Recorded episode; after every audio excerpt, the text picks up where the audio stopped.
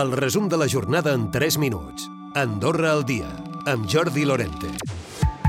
Els sindicats mantenen la seva posició i demanen una pujada del 20% repartida en els propers 4 anys, mentre que els empresaris consideren que s'han de concretar les pujades tenint en compte el sector. N'han parlat aquest divendres, de nou, en aquesta Comissió Econòmica i Social. Escoltem el secretari general de l'US, de Gabriel Ubach. El poder adquisitiu cada vegada s'està perdent més. Nosaltres no culpem els empresaris, insisteixo, però sí que tinc clar que la responsabilitat és de govern.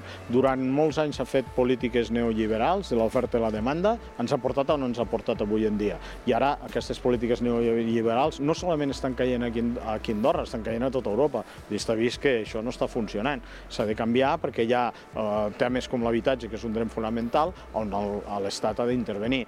I mentre els càlculs que fa la CEA basats en la variació de l'IPC dels salaris dels darrers 20 anys constaten que ha pujat.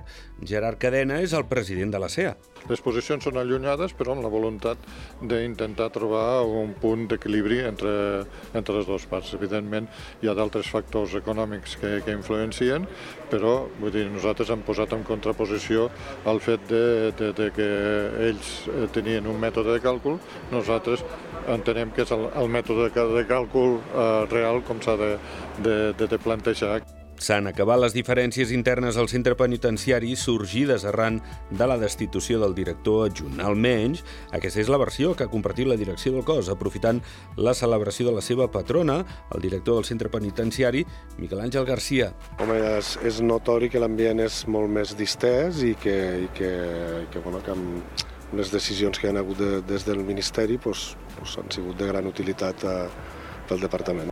Hi ha sant que insisteix en la necessitat de disposar d'una unitat de radioteràpia al país. Una vegada s'ha demostrat que la immunoteràpia no és una opció substitutòria. N'ha parlat el president d'aquesta associació, el Josep Saràbia. Com vam parlar amb el senyor Benazet, ens deia de que no, no, la immunoteràpia era el sistema de que predominaria i que la radioteràpia desapareixeria. No és veritat.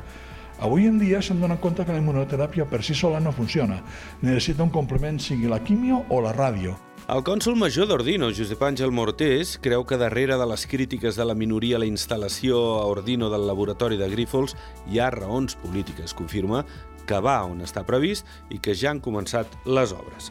I mentre Andorra la Vella ha celebrat la remodelació del carrer de la Llacuna, que s'ha convertit en una via prioritària per als vianants. S'hi han fet canvis al paviment, a l'enllumenat públic, al mobiliari i han instal·lat també una deixalleria, entre d'altres. Per això el Comú ha convidat veïns i la resta de la ciutadania un berenar i un concert del grup de música El Senyora.